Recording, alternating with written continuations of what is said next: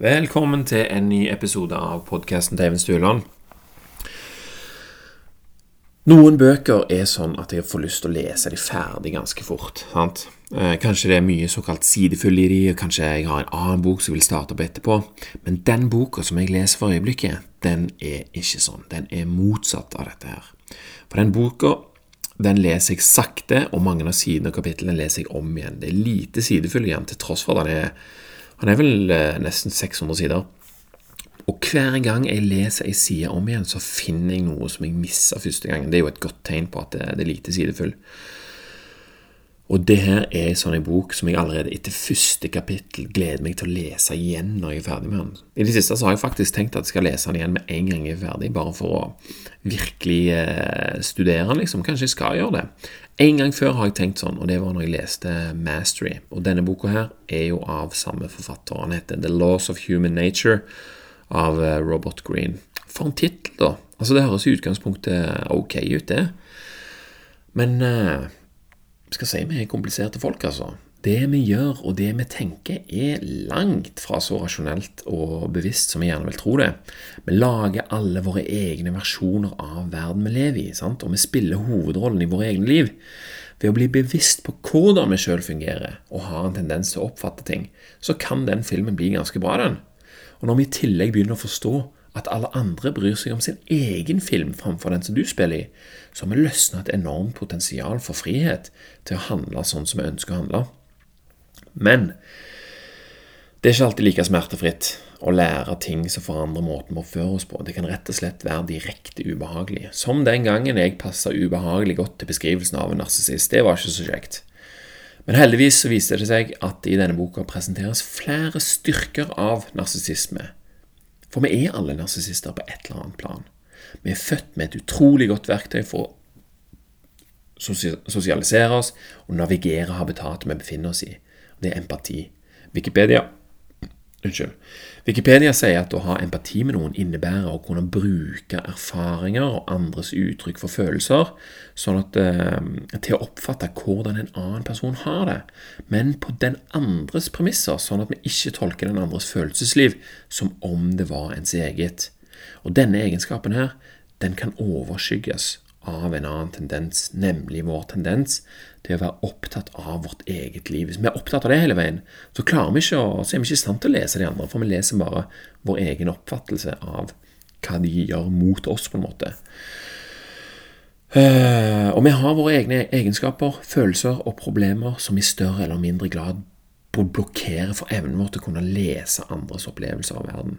Vår oppgave i livet når det kommer til dette her, er ifølge Robert Green å finne ut av denne kjærligheten for jeget som vi har, og bli på en måte komfortabel med den, sånn at vi kan snu den ut mot andre istedenfor å liksom forsimple oss ved å begrense den til oss sjøl. Hvis vi bare er opptatt av oss sjøl, så er det bare det. Altså, det er veldig begrensa.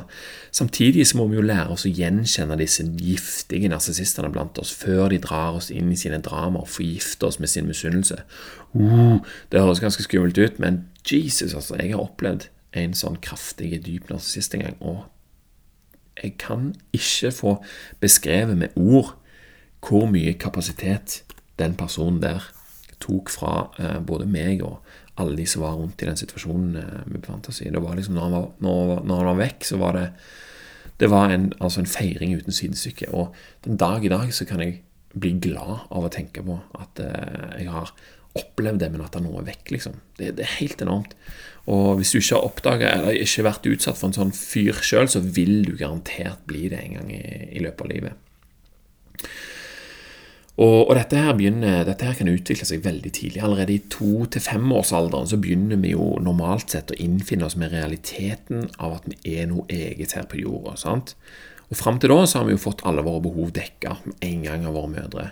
Men etter hvert som vi separeres fra dem, og tiden med øyeblikkelig tilfredsstillelse er forbi, så er du alene, da, separert fra andre, samtidig som du fremdeles er avhengig av foreldrene dine. Sant? Så det er en sånn en mellomfase der. Og folk tar deg mer og mer for gitt. Sant? De er ikke lenger så opptatt av at du er et barn. Det er ikke lenger nok. Før så var det sånn 'Å, en liten søt unge. Dikki, dikki, dikki.' Sant? Så det er liksom Det er nok, det. Nei, det holder ikke lenger. Folk er blitt vant med det, sant? og de har sine egne ting å tenke på. Hvordan skal vi takle denne følelsen her da, av å bli forlatt og alene? Altså til en viss grad. Vi kan jo alltids doble vår innsats eh, for å få bekreftelse og oppmerksomhet sant, av de som er blitt lei av oss, men det er for krevende, og det vil slite oss ut, samtidig så det selvfølgelig kan ende opp med å gi motsatte effekter. Vi kan rett og slett ikke lenger være avhengig av at andre skal gi oss konstant eh, bekreftelse, selv om det er det vi vil ha. I vårt tidligere møte, møte med dette dilemmaet så finner vi fram til en løsning som funker bra for de aller fleste. En, eh, en løsning som vi vil utvikle gjennom resten av livet vårt, spesielt fram til 20-årene. da. Vi konstruerer et sjølbilde, et bilde av oss sjøl som letter trykket, og som gjør oss i stand til å tilfredsstille dette behovet vi har eh, for å bli sett fra innsida. Dette selvbildet her er satt sammen av våre preferanser, smakene våre, våre meninger og hvordan vi ser på verden. Vi gjør det vi kan for å fremheve det vi anser som gode kvaliteter i oss sjøl, samtidig som vi bortforklarer våre dårlige. Hvis vi lykkes i dette her, så har vi altså et selv vi kan elske og sette pris på. Vi kan stole på det, og det kan hjelpe oss å eh, eh, Hjelpe oss å begrense eh, det vi blir utsatt for. Sant? Eller forsterke det. Vårt fokus vender innover, altså. Og vi blir vår egen hovedrolle med all den oppmerksomheten den hovedrollen trenger, kommende fra oss sjøl når vi trenger det. Og når vi så befinner oss i en situasjon der vi er alene eller ikke føler oss verdsatt, så kan vi trekke oss tilbake i oss sjøl og berolige oss med disse forestillingene av hva vi er. Er vi leie og deprimerte, så kan vår egen kjærlighet stige fram og gi oss følelsen av verdighet og til og med overlegenhet for andre. Og Dette selvbildet opererer som en termostat. på en måte. Den hjelper oss å regulere tvil og usikkerhet, og overmot og selvgodhet. Sant? Vi har selvtillit. Det er det dette her er for noe. Og dette skjer jo bare for oss. Eh, vi merker sjelden at det virker på denne måten. her. Vi, tar det for gitt, akkurat som vi puster. Men det fins allikevel en måte å se dette her i levende livet ved å observere de som mangler et realistisk bilde av seg sjøl, et bilde de kan stole på. Og det er de vi kan kalle for dype narsissister. I tidsrommet når vi separeres fra våre foreldre, så legger vi òg grunnlaget for vårt selvbilde. Vi kopierer handlinger og holdninger som vi liker, og som vi ser at de vi liker, utfører. Hvis våre foreldre oppmuntrer oss i våre forsøk på uavhengighet, og gjenkjenner disse her unike kvalitetene vi har, så begynner selvbildet vårt å ta form, og vi kan sakte, men sikkert begynne å bygge på det. For dype narsissister derimot så har denne prosessen slått feil, og de får aldri bygge et solid og realistisk følelse eh, av seg sjøl å ha i grunnen, liksom. Foreldrene er kanskje narsissister sjøl, for opptatt av seg sjøl til å verdsette sitt eget barn og til å oppmuntre dets forsøk på uavhengighet. Eller foreldre kan ha vært overinvolvert i livet til ungen deres og kvele deres eh, forsøk på å klare seg sjøl for å kunne bygge barnet sitt inn i sin egen verdi. Sant? De vil ha dem inn i sitt eget sjølbilde. Eh, for de er vant med å få alt fra utsida. De er nødt til å ha validering fra utsida. Og nesten alle dype narsissister er enten forlatt eller overbeskytta på denne måten. her. Og I barndommen så kan faktisk sånne individ gjøre det veldig godt. De er ofte ekstroverter og blir etter hvert mestere i å tiltrekke seg oppmerksomhet, samtidig som de sørger for at de får den alene. De kan være livlige og spennende, og i et barn så blir jo sånne kvaliteter ansett som bra og liksom 'Å ja, han har jo gode utsikter for fremtiden. Se bare hvordan han står på', liksom, og, og, sånt. Men under overflaten, derimot, så bygges det opp en kraftig avhengighet for den oppmerksomheten her. Den som de framprovoserer for å føle seg hel og verdig. Introverte narsissister de trekker seg inn i seg sjøl, konstruerer et fantasiliv der de er overlegne alle andre. Og siden de ikke får utenforstående bekreftelse for denne fantasipersonen de har laga, kan de bli usikre og fylles med tvil og avsky for seg sjøl. Og uten et skikkelig grunnlag for selvet sitt, sant, så kan de eh, se seg sjøl som hvem som helst. Og blir de usikre, så kan fantasien deres endre bildet av hvem de er, eh, etter hvert som de skifter ut og prøver nye personligheter, etter hvert som de blir kjent med nye folk og sånn. I begynnelsen av 20-årene så begynner dette her å slite på et sinn. Sant? Altså, De har ikke klart å bygge et godt selvbilde som de kan stole på. Og i deres jag etter oppmerksomhet så blir de da enda mer dramatiske og grandiose. Sant? Det bygger jo bare på seg, dette. Og dette blir jo slitsomt og grenser til patetisk for deres eh, omgangskrets. De bytter venner og arenaer for å finne nytt publikum, og du kan gjenkjenne dem ved følgende atferdsmønster. Hvis de blir fornærma eller utfordra, så vil de ikke ha noe særlig eh, bra eh, spekter av forsvar. Ingenting fra innsida som kan berolige dem eller begrense effekten av det de er utsatt for. Og De reagerer ofte med et voldsomt sinne, full av gjengjeldelseslyst og trang til å rette opp denne uretten som de er blitt utsatt for. Og Det er stort sett den eneste måten de kan reagere på. Og I sånne situasjoner så vil de posisjonere seg som et såra offer etter hvert. sant? Og de rundt liksom, de blir jo forvirra. Først var han dritsur, og så blir han lei seg. Og, og, og, og, ved å gjøre dette her, så vil de jo tiltrekke seg empati fra de som ikke vet bedre. sant? Det er det som er så farlig med dette. Det er derfor vi må oppdage disse. her, fordi de, de bruker deres verktøy til å tulle med vårt eget selvbilde og våre egne følelser, sånn at vi må bruke kapasiteten på disse personene istedenfor å uh, å ta vare på oss sjøl, sånn at vi kan bruke denne her energien mot andre istedenfor, på en positiv måte. Alt blir tatt personlig hos disse menneskene, de dype narsissistene, og du kan merke et utålmodig eller fjernt preg i ansiktet deres når, snakker, når du snakker med noen eh, om noe som ikke direkte involverer de sjøl. De fører samtalen raskt mot seg sjøl med en gang det er mulig, og de kan eh, utføre voldsomme handlinger for å rette opp i uretten de føler, når andre får den oppmerksomheten som de anser at de sjøl skulle hatt. Kraftige fremførelser av sjøltillit er òg et godt tegn. sant? For det dekker godt over tomheten og usikkerheten de føler inni seg. Og de som er rundt, sant? de speiler jo dette. 'Oi, for en sjøltillit', liksom. Han har jo kontroll, og 'Å, ja, ja, det er jo gode greier'. Sant? Og da opplever narsissisten det, ah, og da kan han leve litt på den. Men han trenger det hele veien.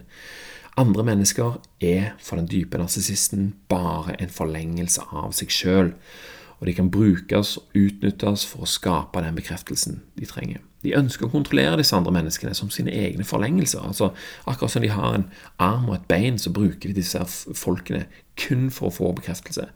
Og de får partneren sin til sakte, men sikkert kutte ut kontakt med de som konkurrerer om oppmerksomheten deres. Og Noen klarer å kanalisere disse enorme følelsene over til noe konstruktivt gjennom deres prestasjoner og resultater. Så er det der de får den oppmerksomheten de krever. Og Steve Jobs har jo flere trekk som kan passe i denne her beskrivelsen. Han gjorde det jo veldig bra, fordi han klarte å kanalisere denne energien. Men han var jo en forferdelig person å ha med å gjøre. sant vel? Men han hadde en måte å få noe ut av det, istedenfor å bare fokusere på det, det her eh, mellom han og de andre menneskene rundt han. Men for de fleste så blir det vanskelig å gjøre dette. Usikkerheten deres om hva andre syns om de tar for stor del av kapasiteten deres til at de kan jobbe fokusert på et prosjekt over lang tid. Og Sånne personer har en tendens til å skifte jobb og yrke ofte, og de tåler ikke frustrasjonen og utålmodigheten som hardt arbeid bringer med seg. Og uten å kunne skape oppriktig erkjennelse gjennom sine prestasjoner, så farer det tilbake til trangen for kunstig fremstille denne oppmerksomheten her ved å lage dette showet og grandiositeten og alt det der. Uff. Og det var her jeg kjente et lite stikk. Det med denne her eh, Altså, er jeg sånn Jeg kjenner meg igjen i det at jeg er utålmodig i jobbene som jeg har hatt. Alltid spennende å gå over til noe annet. sant vel? Litt kjedelig å holde ut i det gamle. Og det fikk meg til å tenke ganske mye. Og, og, gå igjennom disse her andre tegnene her. liksom, Fuck, er det dette her jeg er? Men heldigvis så kom det en redning. For det fins annet enn dype narsissister der ute. Sant? Vi har alle noen små ting som vi kan kjenne igjen i den dype narsissisten, men, men, over den dype narsissisten så befinner den funksjonelle narsissisten seg, og det er her de fleste av oss befinner oss. Huh. Og vi er òg opptatt av oss sjøl, men det som holder oss for å synke ned til dypet, er at vi har en ålreit følelse av hva vi er for noe. Vi kan dyppe ned i mørket og gjøre ting som beskriver den dype narsissisten, spesielt hvis vi er deprimerte eller når vi er spesielt utfordra i livene våre, men vi henter oss inn igjen, sant? for vi har jo dette sjølbildet og, denne her personen inni oss som vi kan stole på. Og siden vi ikke er usikre og såra hele tiden, så kan vi altså istedenfor å bruke energien vår på konstant søke oppmerksomhet, så kan vi snu den utover og fylle den energien inn i arbeidet og bygge gjensidige sosiale forhold som beriker livet vårt og selvfølelsen vi har. Men vi er ikke ferdige med det. Selv om vi ikke er helt neder, så er det fremdeles en vei å gå mot noe som er enda bedre for oss. Og Denne veien her er delt i tre. Først må vi forsøke å forstå den dype narsissisten. For selv om de er få, så kan de gjøre enorm skade rundt seg og med de som befinner seg i nærheten. Vi må kunne kjenne igjen denne giftige typen som fyrer opp på noe drama og prøver å gjøre oss gjenstand for deres hensikter hele veien. De er mestere til å gi deg dårlig samvittighet, og de er vanskelige å komme ifra hvis du allerede er fanga. Det er det vi må unngå. Vi må gjenkjenne dem sånn at vi kan unngå dem og kvitte oss med dem fra livene våre. Altså Det høres brutalt ut, men hva skal du gjøre da? Vil du heller eh, bruke all din kapasitet på å, å, å gi disse folka oppmerksomhet, sånn at de kan ha det bra? Sant? De må jo øh, oppleve at dette her ikke går. Det blir et tap uansett hvordan du ser det. For det andre så må vi ikke fornekte vår egen natur. For vi er alle narsissister på et eller annet nivå. Vi har, ikke, eh, vi har alle lyst på litt oppmerksomhet. Vi har lyst til å snakke og bli hørt, ytre vår mening om saker og ting, og vi liker andre personer som deler våre ideer, for det reflekterer vår gode smak tilbake til oss sjøl og bekrefter det indre vi har. Vi er alle mottagelige for smiger, for å bekrefte vår selvfølelse. Og de som forsøker å fornekte disse egenskapene, det er kanskje de største narsissistene sjøl. De som elsker lyden av sin egen stemme når de peker fingeren i retning til de som gjør noe galt. Vi er alle her på denne skalaen et eller annet sted, og uten å erkjenne disse trekkene ved vår egen personlighet, så står vi i fare for å havne ned i dypet. Og det kan vi vel ikke gjøre. Vi må vel heller forsøke å komme oss videre. Unnskyld. Og den tredje og viktigste tingen vi kan gjøre, det er å forsøke å bevege oss over til å bli en såkalt sunn narsissist. En sunn narsissist kommer seg raskt fra fornærmelser og sår. De trenger ikke så mye validering fra andre. De innser at de har feil og begrensninger, og de kan le av det. De kan kose seg med det. På mange måter så blir jo da deres kjærlighet for seg sjøl mer komplett og realistisk. Sant vel? Og dermed så tåler han òg mye mer. Med, den, med, med, denne sterke indre, som ikke krever så mye vedlikehold, så kan de fokusere mer av energien sin utover seg sjøl. De har kapasitet til å skape noe, de har kapasitet til å investere i andre mennesker, og dette går over i å pleie og forsterke vår empati. sant? Fra naturens side så har vi en enorm evne til å forstå andre mennesker. Og når vi er barn, så kjenner vi mor vår inn og ut. Vi kan se og vite og kjenne hvordan hun har det til enhver tid. Og vi mennesker er de eneste som har evnen til å overføre denne egenskapen til andre enn vår egen mor. Vi kan med samme intensitet forstå hvordan personer i vår nærhet har det, hvis vi bygger opp under denne egenskapen, hvis vi trener oss. Vi har en naturlig evne til å sette oss inn i andres perspektiv. Vi kan tenke oss inn i deres posisjon. Og disse evnene her, de ligger mer eller mindre i en dvale en periode i livet vårt, og så kommer de først til sin rett etter hvert som vi har bygd opp nok selvtillit da, som gjør at vi kan stole på oss sjøl. Når vi er ute i 20-årene en gang, så kan vi finne disse egenskapene fram igjen og rette dem mot andre mennesker. De som praktiserer denne empatien, de blir ofte flinke folk. Ledere, forskere, terapeuter, sosiale observatører. Hva som helst. Men i det de driver med, så, så, så er de i høyeste rang. sant? Og behovet for å utvikle denne empatien her er større enn noensinne, selvfølgelig. Siden 70-tallet, og spesielt siden 2000-tallet, så har narsissisme og selvopptatthet økt gradvis, spesielt på slutten der. Folk trenger tilbringe mindre tid på sosiale begivenheter og mer tid på å sosialisere seg på nettet. sant? Og som ved enhver egenskap så utvikles denne egenskapen i tråd med kvaliteten på oppmerksomheten han får. Sant vel? Hvordan er kvaliteten på, eh, på å bygge den eh, empatien din på Snapchat, f.eks., eller på chatten på Facebook?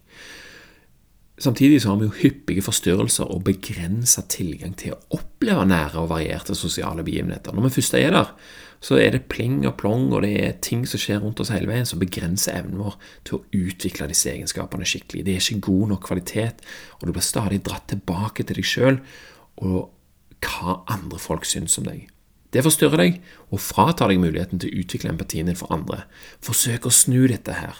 Tenk på dette her som en eh, evne som du vil gi kvalitet og oppmerksomhet. Bygg empatisk energi. altså Dyp narsissisme tar deg vekk fra virkeligheten og hindrer deg i å utvikle ditt arbeid og dine forhold. Empati gjør det motsatte. Når du stadig snur oppmerksomheten din utover fordi du ikke trenger den inne så mye lenger, så vil du òg stadig motta positiv tilbakemelding. Folk vil være med deg, Og Underveis så utvikler du denne her empatiske muskelen. Du vet mer hvordan du skal gjøre. Arbeidet ditt blir bedre, og uten å prøve så får du den oppmerksomheten som vi alle på en eller annen måte higer etter.